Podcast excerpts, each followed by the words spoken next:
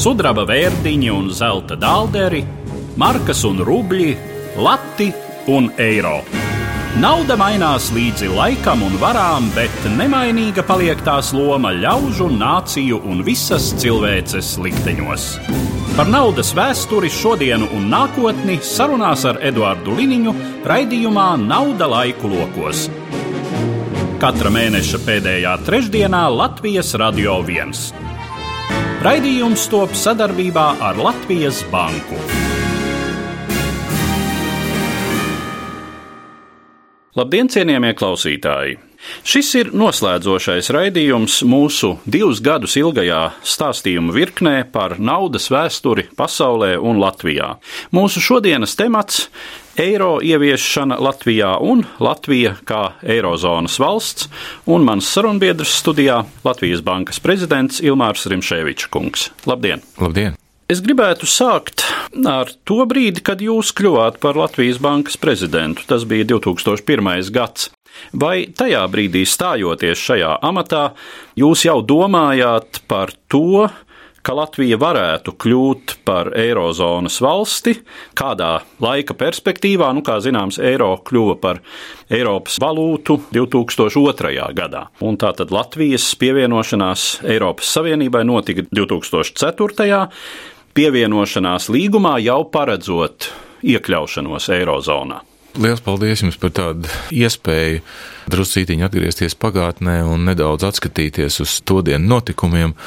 Ja jāsaka par 2001. gadu, tad tā nojausma bija tāda ļoti, ļoti miglātīta, bet viņa bija, jo Protams, bija skaidrs, zināms, ka eiro jau pastāvēja, un 2002. gadā viņš bija jau ar skaidru naudu ieviests, bet īstā eiro pastāvēšana sākās 1999. gadā šīs vienotās valūtas izveidošanu, un tāpēc mēs, zinot, ka Igauni jau ved sarunas ar Eiropas Savienību par iestāšanos Eiropas Savienībā un ir faktiski līderi. Mēs nojautām, ka mēs varbūt drusku atpaliekam, bet ka iestāšanās nesīs sev līdzi arī vienotās valūtas ieviešanu. Tad, kad notika Latvijas sarunu process par pievienošanos Eiropas Savienībai, cik liels varbūt bija šis sarunu vienošanās koridors, vai Latvijai bija kāda izvēle iekļauties Eirozonā vai nē, un cik jūs izjutāt mūsu iekšpolitiskās virzības šai brīdī, par vai pret? 2001. un 2002. gadā tādas lielas skaidrības, kā tas būs vai nebūs, noteikti nebija. Par to, vai bija iespēja izvēlēties palikt ārpusē un neieviest eiro, es varu diezgan droši pateikt, ka tādas izvēles nebija, un viss sarunu virzība process bija tāds, ka mēs būsim vienkārši laimīgi, ja mēs iestāsimies Eiropas Savienībā, un kur nu vēl, ja mums ļaus pievienoties Eiropas monetārai savienībai un ieviest valūtu, kuru lieto Vācija, Francija, Itālija, Spānija un pārējās lielvalsts. Saprotams, ka tajā brīdī arī Eiropas Savienībā bija daudz vairāk eiro optimisma, gan tādā tīri politiskā nozīmē, gan arī šīs vienotās valūtas nozīmē. Uz to raudzījās ar pamatotām cerībām, bet cerībām, kuras vēlāk nācās pārbaudīt diezgan smagā pasaules ekonomikas praksē. Kā jūs atceraties sarunu procesu jau par pievienošanos Eirozonai? Tātad runa bija par šiem Maastrichtas kritērijiem. Vai jūs īsi mums neatgādinātu, kā tad Latvijai gāja ar šo kritēriju sasniegšanu? Pagājuši gandrīz vai 13 gadi, pat gandrīz 14. 2004. gada 1. maijā Latvija kļuva par Eiropas Savienības dalību valsti. Pievienošanās līgums paredzēja, ka Latvija ieviesīs eiro, tiklīdz mēs būsim tam gatavi. Un kopš pievienošanās Eiropas Savienībai Latvija sāka virzību uz Eiropas monetāro savienību, kas faktiski šobrīd ir visaugstākā Eiropas Savienības valstu ekonomiskās integrācijas pakāpe. Latvijas valdība jau tālajā 2003. gada 9. decembrī akceptēja tā saucamo sagatavošanās plānu pārējai uz eiro. Proti, Latvija piesaistas maiņas un Māstrikts kritērija izpildes mērķa datums. Attiecīgi 2005. gada 1. janvārī bija paredzēts, ka mēs pārsaistam lati no SDR, tā saucamā Special Drawing Rights, uz eiro. Un uz 2007. gada 1. janvāri mums būtu jābūt izpildījušiem šos mākslinieks kritērijus. Tomēr, kā mēs zinām, mākslinieks kritērija izpilde tajā laikā netika stādīta kā galvenā prioritāte, un saskaroties ar nelielām grūtībām un inflācijai paceļot galvu, straujās kreditēšanas dēļ, šo kritēriju sasniegšana tika nolikta malā. 2005. gada 1. janvārs gan bija ekonomiski pamatots, jo iestājoties Eiropas Savienībā jau tirgošanās eiro notika vairāk nekā 50%, turpretī ASV dolāra īpatsvars bija vairs tikai 20%. Un tad faktiski mēs dzīvojam šos garos un grūtos krīzes gadus. Nojausma, ka mēs varētu izpildīt mākslinieks kritērijas, atkal parādījās 2011. gada sākumā. Un tad gan, es domāju, Latvijas banka, uzņēmēji, arī valdības pārstāvji deputāti atrada kopīgu valodu un apvienoja pūles, lai šoreiz nepalaistu to iespēju garām, jo, kā mēs toreiz teicām, tas bija tāds atsevišķs laika sprīdis, tāds iespēja loks, kurā visām zvaigznēm sastājoties vienlaicīgi uz pareiziem meridiāniem un asīm. Šī kritērija izpilde kļuva ļoti reāla, un savukārt, ja mēs neizmantotu 12. gadu, tad droši vien tā eiro ieviešana atvirzītos vēl uz vairākiem gadiem. Tas, ko jūs teicāt, ka 2000. gados šī Māstrihtas kritēriju izpildīšana tika nolikta malā. Tas laikam gan diezgan daudz ko liecina par tā brīža politisko konjunktūru valstī. Un savukārt situācija pēc 2010. gada, un tiešām šī mērķtiecīgā virzība uz eiro ieviešanu savukārt, manā skatījumā, liecina par būtiskām izmaiņām arī politiski ekonomiskajā domāšanā, tajā kā varas elite uzlūko valsts attīstību. Bet atgriežoties pie krīzes un pirms krīzes laika, no jūsu viedokļa, vai tas viss varēja notikt citādi. Ir skaidrs, ka Latvija nevarēja izvairīties no globālajām ekonomikas svārstībām, bet vai tas kritiens mums varēja būt mazāk sāpīgs, ja mēs būtu kaut ko darījuši citādi? Noteikti.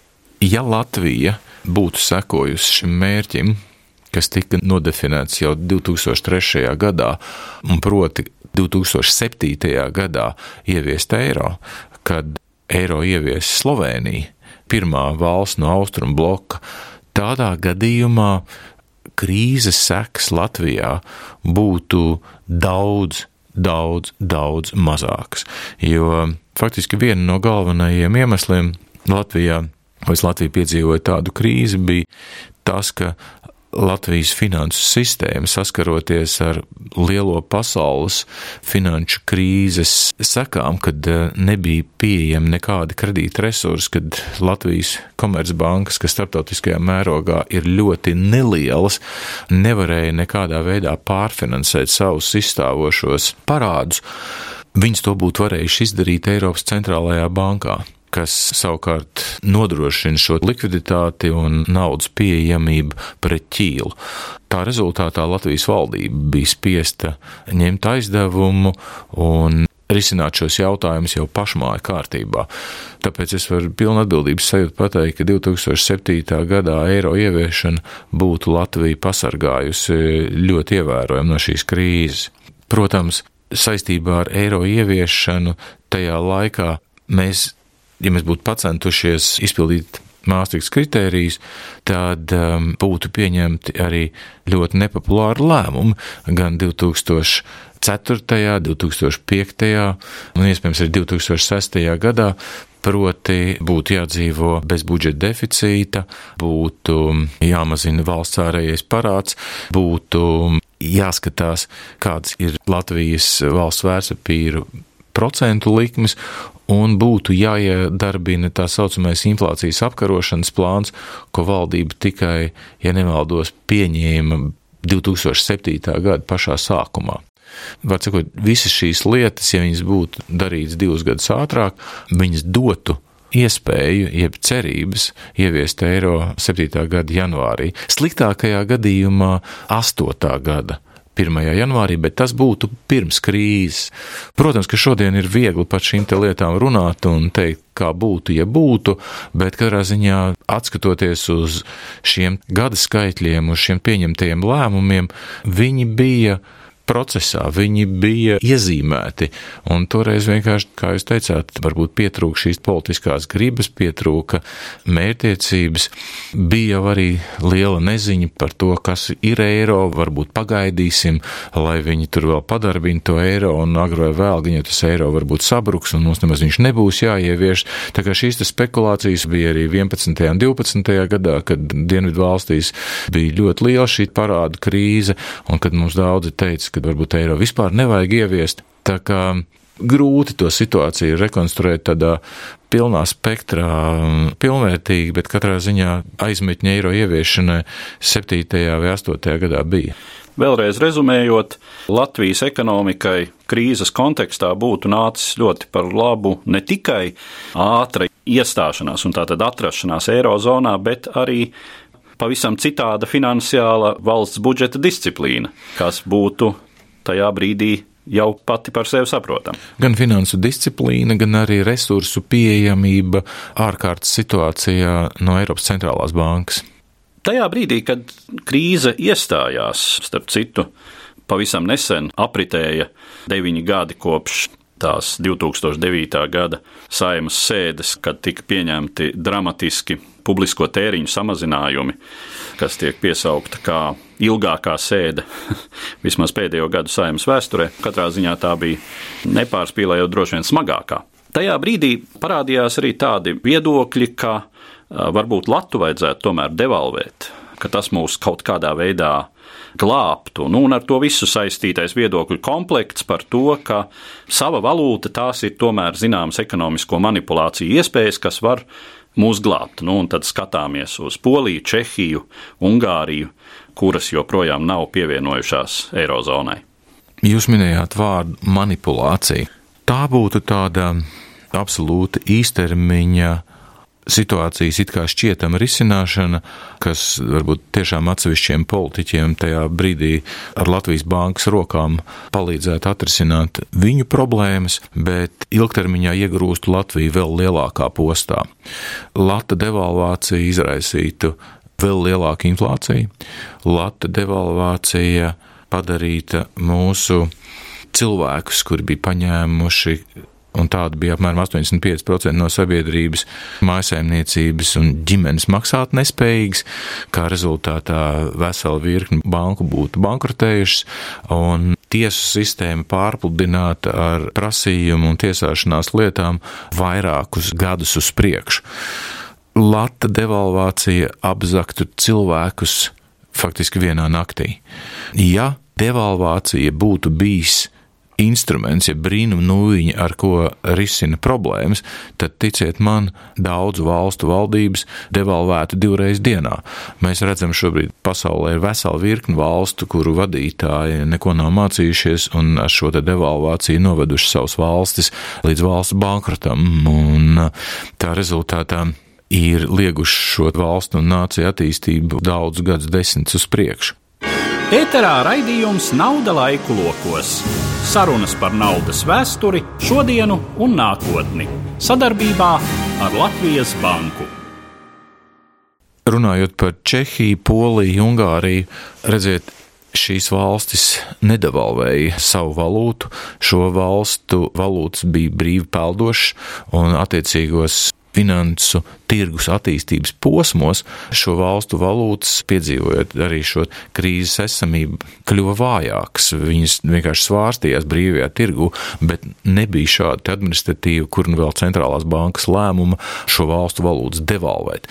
Un, ja mēs palūkojamies uz šo valstu ekonomisko attīstību aizvadītajos 8, 9 gados vai vēl tuvākā nākotnē, 3-4 gadu laikā, tad eiro ieviešana, proti, tas nozīmē, ka plūstoša pāreja no lata uz eiro bez devalvācijas nodrošināja to, ka Latvijai aizdītajos gados kredītreitings ir pieaudzis visstraujāk, proti speciāls tam nozīmētas izvērtēšanas kompānijas ir uzskatījuši, ka Latvijas ekonomiskā un finansu situācija ir būtiski, dramatiski mainījusies par to, kas ir bijusi 11. un 12. gadā, un šie kredītreitingi gājuši uz augšu. Viņi ir šobrīd augstāki kā Polijai, Ungārijai.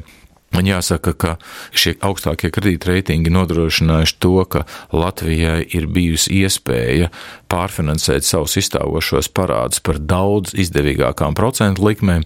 Mēs savā laikā plānojam, ka tas varētu būt 80 vai 90 miljoni eiro ietaupījums, ko daudz tajā brīdī apšaubīja. Dzīvi parādījusi, ka tas ietaupījums šobrīd ir aptuveni pie 150 miljoniem eiro katru gadu eiro iestāšanās mums ir iedevusi budžetā šajā sektorā, jeb šajā lauciņā, papildus 150 miljonus. Eiro ieviešana ir ļāvusi Latvijas uzņēmējiem aizņemties par procentu likmēm, kas ir daudz zemākas nekā viņas bija toreiz Latvijas. Mēs zinām, ka Tajā laikā bija tāds Rigibors, tagad ir Eiribors, kas ir tā saucamā starpbanku procentu likme, kas kalpo par tādu atskaites punktu jebkuram kredītam, kas Latvijā tiek izsniegts konvertācija izmaksas, kad uzņēmējiem bija ienākumi vienā valūtā, savukārt izdevumi otrā valūtā, ir mazinājušies aptuveni par 70 miljoniem eiro gadā.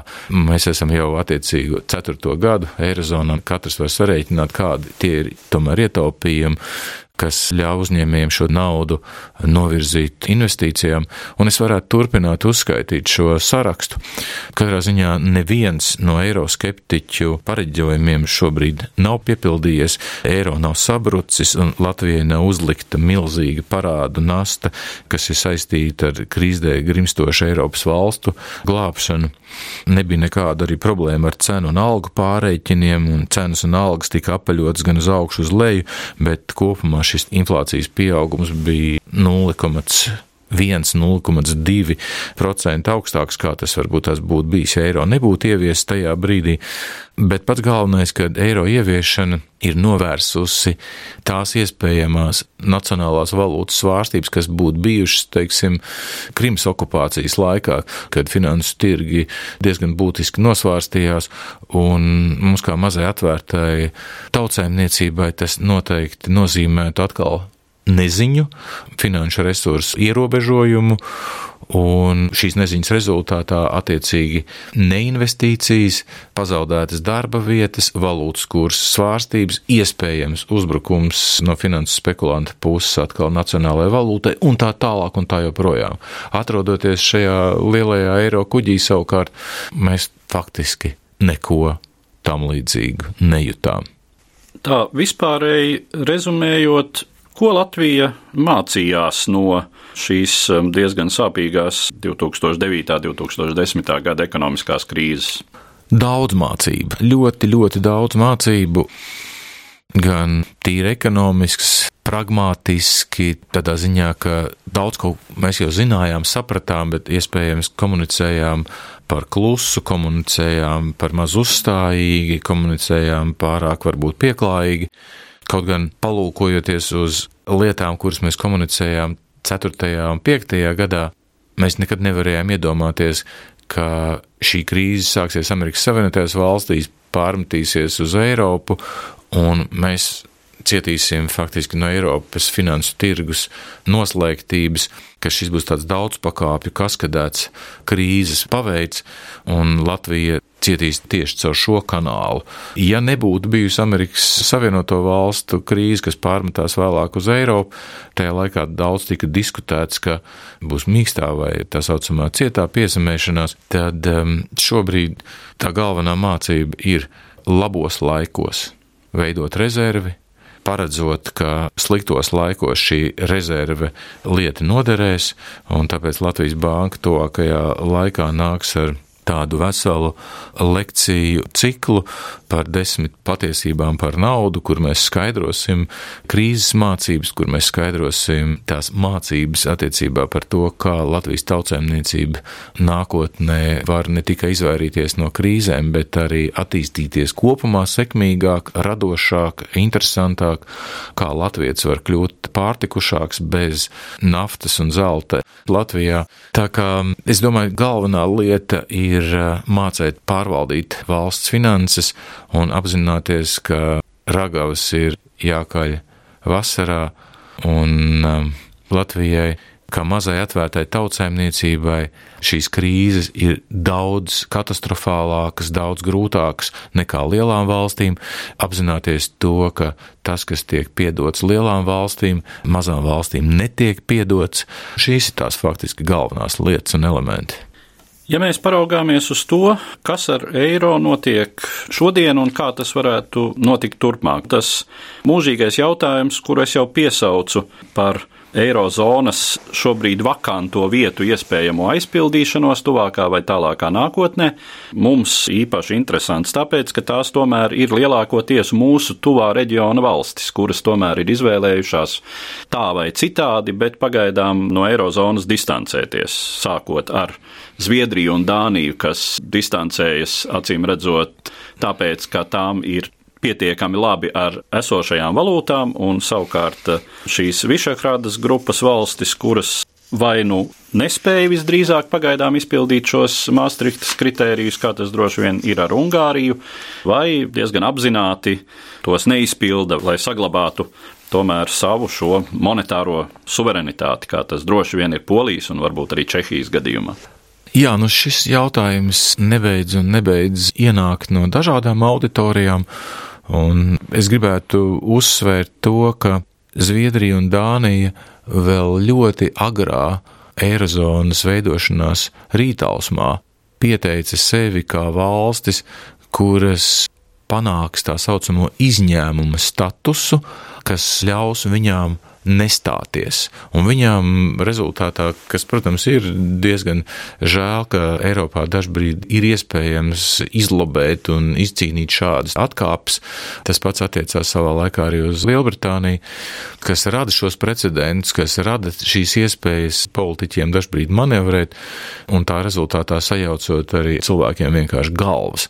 Tāpēc jāsaka, tā, ka Latvijā arī vesela virkni cilvēku, kas bija pret šo iestāšanos Eirozonā, varēja vienmēr atsaukties uz to. Kas attiecās uz pārējām valstīm, kurām arī ir pienākums iestāties, bet kurš šobrīd neizpild šos māsīgas kritērijas, proti šīs jūs nosauktās Višagradas valsts, tad um, viņu gadījumā ekonomikas ir jūtami lielāks, nerunājot par polijas ekonomiku, lielāks tirgus, lielāka iespēja pārdzīvot šos satricinājumus. Kas attiecās kopumā uz ekonomisko situāciju, te būtu ļoti precīzi jāanalizē katras valsts pieņemtie lēmumi. Un, ja tirgus ir lielāks un valsts caurmērā ir lielāka, un arī Ungārija un Čehija, kas ir desmit miljonu iedzīvotāju valstis, Es domāju, ka Latvijā iespējams pie šāda izmēra valsts diskusija būtu daudz eh, nopietnāka, daudz padziļinātāka nekā Baltijas valstu izmēra valsts, kur ir mazāki tirgus, kur ir daudz lielāka svārstība iespējama, kas noteikti viennozīmīgi pateica, ka mums nav citas iespējas. Bet vai šo valstu situācija šobrīd ir labāka nekā Latvijas, vismaz pēc iestāšanās Eirozonā, ja mēs konstatējam šo starta līniju no 14. gada 1. janvāra, kad Latvijā tika ieviests eiro, kā ir attīstījusies Latvijas tautsēmniecība un kā ir attīstījusies šo valstu Višegradas valsts ekonomika, tad es roku sirds liekot, varu teikt, ka mūsu ekonomika ir attīstījusies labāk, mūsu finansu noteikumi, es pasvītroju finansu noteikumi, kas tika radīti iestājoties Eirozonā, ir devuši Latvijai daudz labākas iespējas nekā attiecīgais šajās valstīs. Tāpēc jāskat, ir vesels jautājumu komplekss kopums, kāpēc valsts attīstās vai neattīstās, kāda ir juridiskā situācija, kāda ir tieslietu sistēma, kādi ir kopējā kreditēšanas noteikumi, kādi ir konkurētspējas noteikumi un tā tālāk un tā joprojām, kāda ir attiecīgo valstu konkurētspēja, investīcija noteikumi, likumdošana, nodokļu sistēma. Bet neskatoties uz to, kopumā Latvijas desmitgadīgie valsts vērtspapīra noteikumi, ko es jau minēju, kas ļauj Latvijai šobrīd taupīt 150 miljonus gadā un novirzīt šo naudu citām tautsēmniecības nepieciešamībām. Savukārt šīm valstīm, par kurām mēs runājam, viņiem šie reitingi palikuši aptuveni tādi paši, un šis ietaupījums ir bijis proporcionāli daudz mazāks. Un tieši tas pats attiecās arī uz naudas aizdošanas noteikumiem uzņēmējas darbības veikšanai. Tā kā šīs valstis, rezumējot, kopumā ir lielākas, viņām ir lielāki pašmāju tirgi, viņi mazāk atkarīgi no eksporta, viņi caurmērā ir daudz labāk vadījuši savus finanses 2000. gados un mazāk cietuši krīzē. Latvijai eiro ieviešana ir nākusi kā tāda papildus apdrošināšanas garantijas polise un uh, nodrošinājums pret nākotnes krīzēm. Nesen kādā kompānijā es dzirdēju tādu viedokli, ja mēs iedomājamies, cik daudz naudas maiņu ir pieredzējuši savā dzīvē mūsu vecāki, un arī mēs paši jau esam kaut uz pirkstiem skaitāmas, bet arī naudas maiņas piedzīvojuši, tad vai no tā, kas notika 2014. gada 1. janvārī, paliks pēdējā naudas maiņa mūsu mūžā.